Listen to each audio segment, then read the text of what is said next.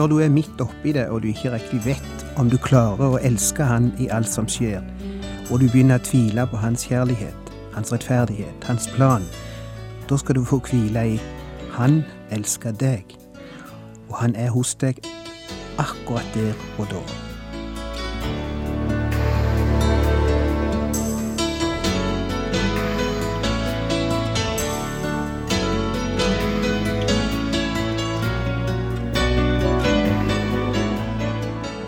Hjertelig velkommen til et nytt program i serien Vindu mot livet. Vindu mot livet er basert på programserien Insight for Living ved Chuck Svindal. Programmet er produsert av Kristen Riksradio og blir ledet av Ola Bjoland.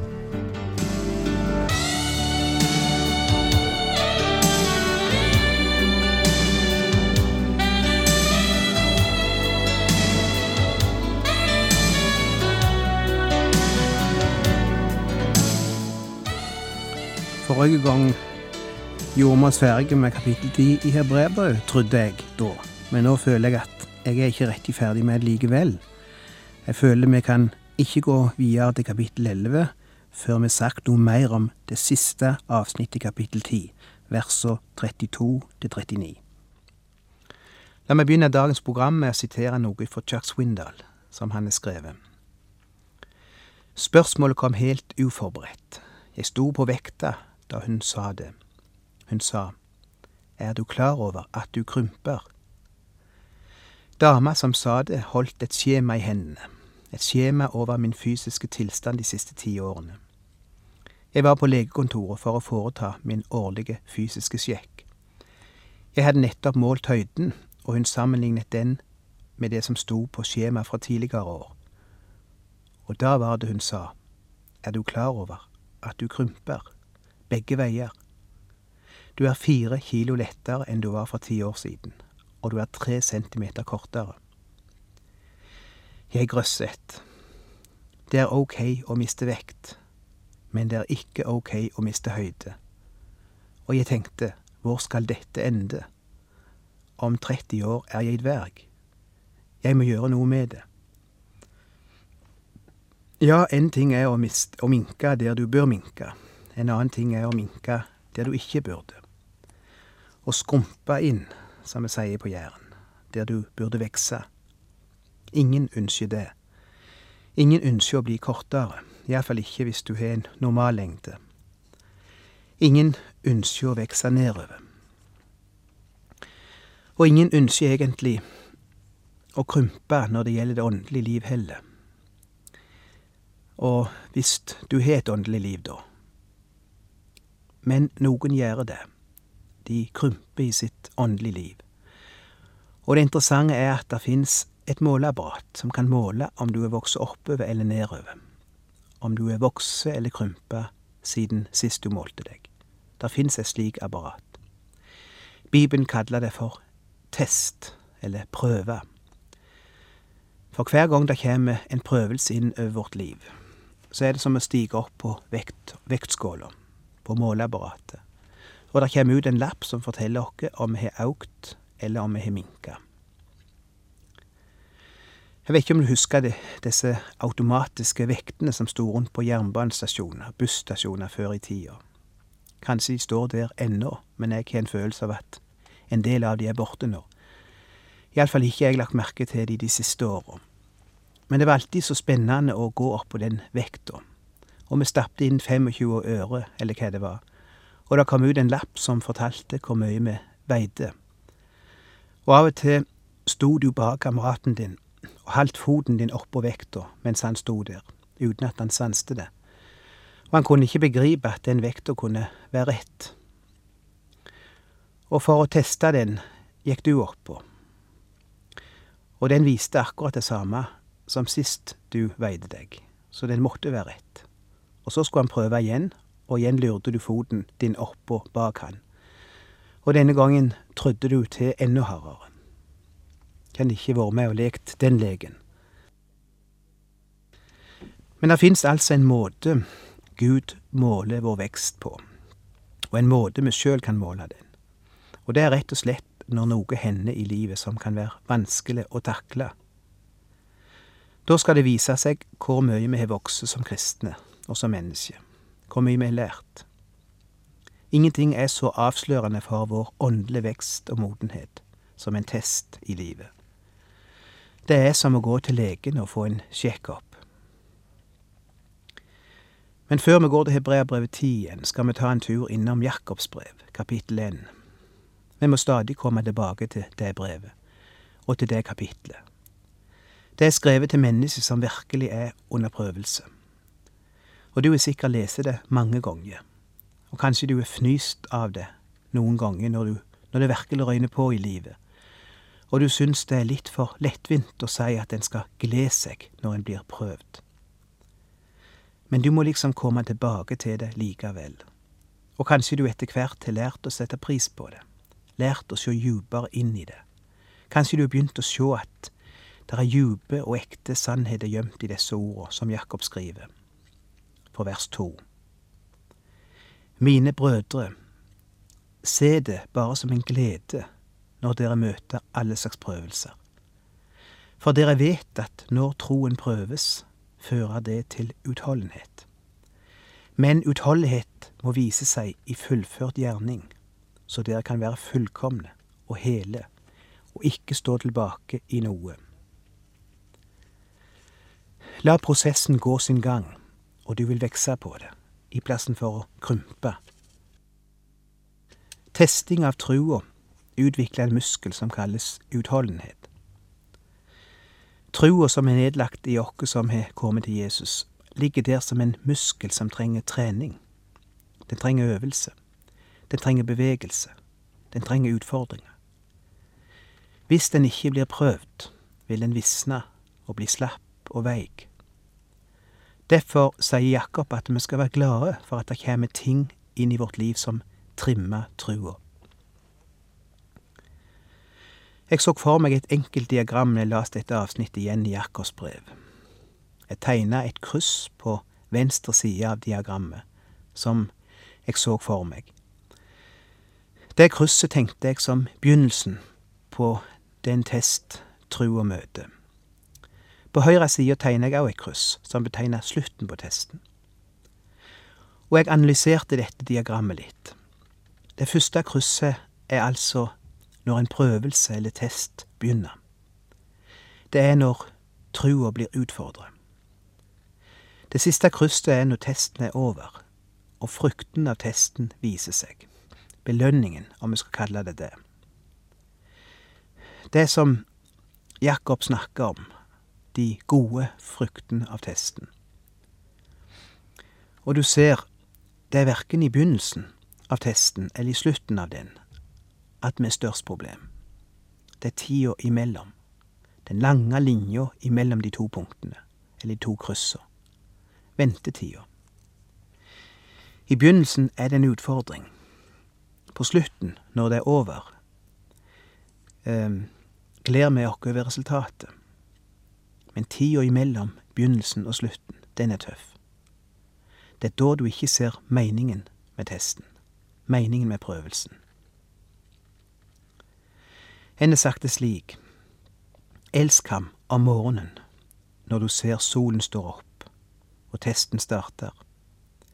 Elsk ham om kvelden når solen går ned og testen er over, og du gleder deg over Han som førte deg gjennom dagen.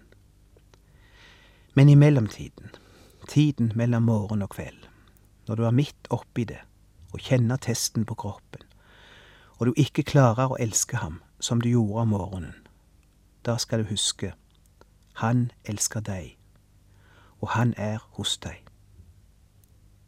Er ikke det fint? Når du er midt oppi det, og du ikke riktig vet om du klarer å elske han gjennom alt det som skjer, og du begynner å tvile på hans kjærlighet, hans rettferdighet, hans plan, da skal du få hvile i Han elsker deg, og han er hos deg akkurat der og da. En annen det slik, Når du er inne i mørket, ikke glem hva Gud ga deg når du var i lyset.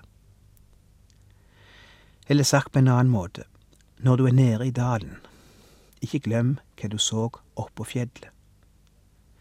Når du er inne i tunnelen, ikke glem hva du så før du kom inn der. Vi snakker om tida mellom begynnelsen og slutten på en prøvelse.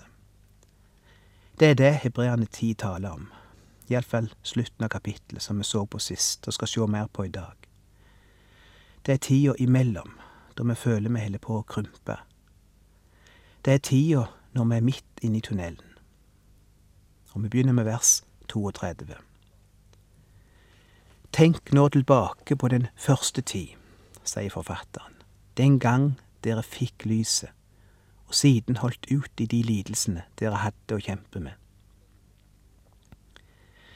Det er et interessant ord som her er oversatt med lidelser.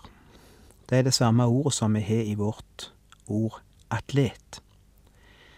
Det er kanskje ikke så lett å se sammenhengen mellom en atlet og en lidelse, men bildet er antagelig henta ifra den scene der en atlet kjempa med ville dyr inni et kolosseum. Og tanken er, tenk tilbake på den første tida. Det gikk ikke så lang tid etter de hadde sett lyset, før de ville dyr kom inn på scenen, før livets rovdyr begynte å springe etter dere og prøvde å slite dere sunt. Og nå er du kanskje midt oppi denne kamp, og disse versene gir oss noen eksempel på en slik kamp, på slike tester av trua, som Jakob kaller det, eller trimming av trua, som disse hebreerne òg opplevde. Og den første slik, te, slik en test har vi i begynnelsen av neste vers, vers 33. Snart blir dere hånet og plaget for øynene på folk. Vi snakket om det sist gang, at ordet som er brukt der, er det samme som vi har i vårt teater. Det innebærer at vi blir utstilt, at vi blir sett og snakket om av andre. Det heter i et ordtak at all PR er god PR. Og en sa det slik en gang, jeg bryr meg ikke om hva folk, hva folk sier om meg, bare de sier noe. Jeg bryr meg ikke om hva de snakker om, bare de snakker om meg. Det er jeg ikke helt enig i. En slik person kan ikke ha opplevd hvilken lidelse det er å bli snakka om på en destruktiv måte. Å være på andre menneskers tunge. Og det som sies, er løgn, kanskje. Eller iallfall er det ikke fine ting som sies. Verbal mishandling kan være like ille som fysisk mishandling. Falske beskyldninger eller falsk omtale av deg, eller det du står for. Og jeg sier ikke at det er Gud som sender deg disse prøvelsene. Selvsagt er det ikke det. De kjem ifra djevelen. De kjem ifra mørkets rike for å prøve å knekke deg. Men det Bibelen sier, er at òg dette, som ikke kjem ifra Gud, kanskje, òg det gjør Gud til en test, til noe som skal teste troa di og til noe som faktisk skal styrke deg og modne deg. En annen lidelse som er nevnt her, er lidelsen ved å sjå og oppleve at andre lir, andre som står oss nær. Det står i siste delen av samme vers, samt begynnelsen av neste. Snart gjorde dere felles sak med andre som måtte gjennomgå det samme. Dere led med dem som satt i fengsel. Og ja, hvem kjenner ikke til denne form for lidelse? Den kan være verre enn noe annet. Å sjå en som du er glad i, li, og du kan ikke gjøre noe for å hjelpe han. Å måtte sjå at et av ens barn lir og har det vondt. Og du skulle ønske at du kunne tatt lidelsen på deg i plassen. Du vil tusen ganger heller bære den lidelsen sjøl enn å måtte se at et uskyldig og hjelpeløst barn lir, og du kan ikke hjelpe. Snakket med noen foreldre nylig som hadde en gutt på skolen som blei så forferdelig mobba. Han var litt mindre enn de andre i klassen, og han var kristen. Og han var flink på skolen, og han gjorde leksene sine og fikk gode karakter. Og mer skal det ikke til ofte før en blir et mobbeoffer og de hadde ikke tall på alle de han kom grinende hjem fra skolen. De reiv av han korset som han hadde hengende i ei lenke rundt halsen. De slo han. De spytta på han. De urinerte i matboksen hans. De ramponerte sykkelen hans. Det var ikke grenser for oppfinnsomhet når det gjaldt å ydmyke og plage den stakkars hjelpeløse gutten. Og foreldrene var fortvila. Og de skulle så gjerne ha tatt hans plass og blitt mishandla i plassen for han, hvis det var mulig. Og det skulle gjerne jeg òg ha gjort. Og det var én ting til jeg gjerne skulle ha gjort, hvis jeg kunne fått klypa i disse mobberne. Det trenger jeg vel ikke fortelle deg, forresten, hva jeg ville ha gjort da, men jeg skulle likt å plassere knyttneven mellom hendene på dem. Og jeg begriper ikke at det ikke fins måter å rydde bort dette problemet. Snakket en gang med en lærer om problemet, om noen som jeg visste ble mobba, og han svarte, vi må jo skjelne mellom mobbing og erting. Ungene må jo finne seg i å bli erta litt. Vel, hva er erting, og hva er mobbing? Må det være fysisk vold før en kaller det mobbing, og før en griper inn?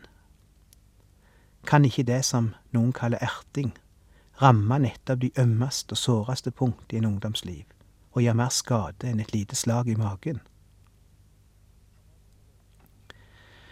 Om jeg kunne velge, så ville jeg heller sjøl blitt skamslått enn at et av mine barn skulle bli mishandla, fysisk eller psykisk. Jeg blør inni meg når jeg ser barn li, og når jeg ser mine barn ha det vondt, og jeg ikke kan gjøre noe for å hjelpe dem. Så nevnes det en annen ting for slutten av vers 34. Dere fant dere med glede i at det dere eide, ble røvet fra dere.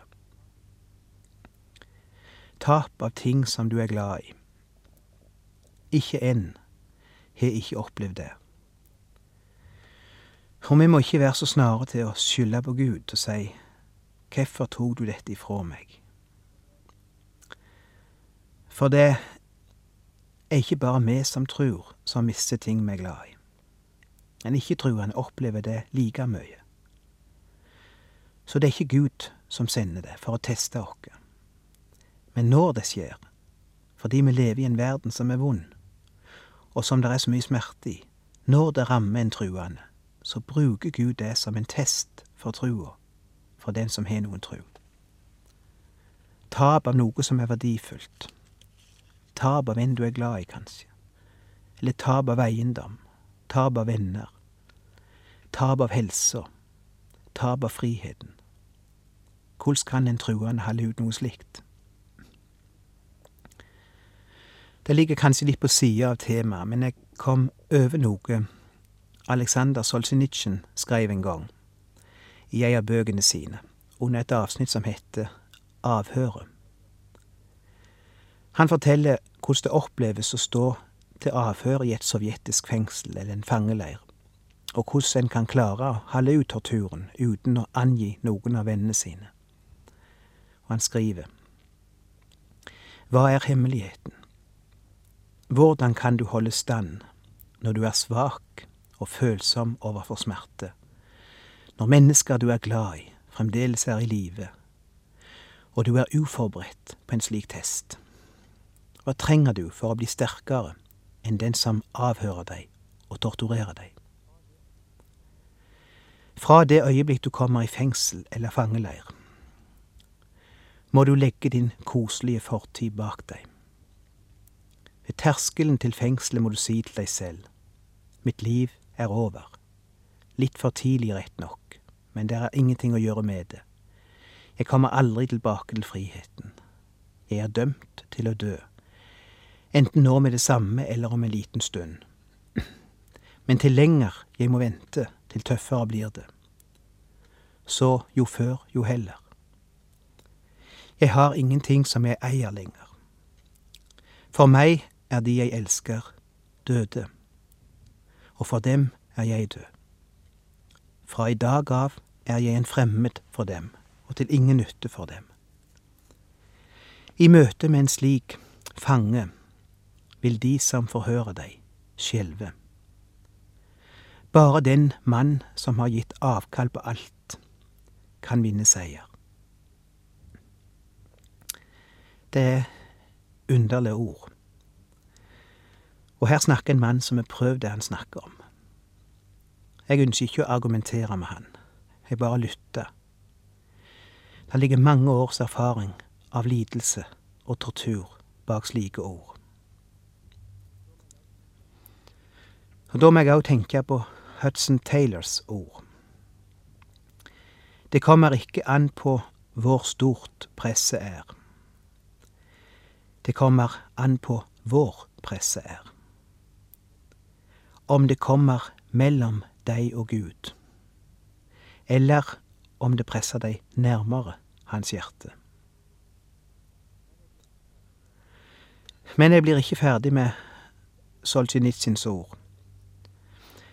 Det er når du gir alt over til Gud, at du vinner seier, enda i de hardeste prøvelsene. Som Thomas Moore sa for over 150 år siden. Kom, dere som ikke finner trøst. Hvor enn dere segner om, kom til nådestolen. Knel der, og legg av dere alt. Gi det over til ham. Jorden har ingen sorg eller ingen smerte som himmelen ikke kan leke. Kanskje du er på vektskåla i dag. Kast ikke bort frimodigheten, sier forfatteren av Hebreabrevet i neste vers. Kast ikke bort frimodigheten. Med andre ord, gi ikke opp. Tenk på den gangen du så lyset. Tenk på alle de løftene du så så klart da, og som du siterte for andre. Den gang så du lyset, og du skal sjå det igjen. Løftene gjelder for deg like mye nå, når du er i mørket og ikke kan sjå de. Gud er den samme. Løftene er de samme. Og når du er kommet fram, vil si ute av tunnelen, da skal du være et rikere og gladere menneske enn du var før du gikk inn i det.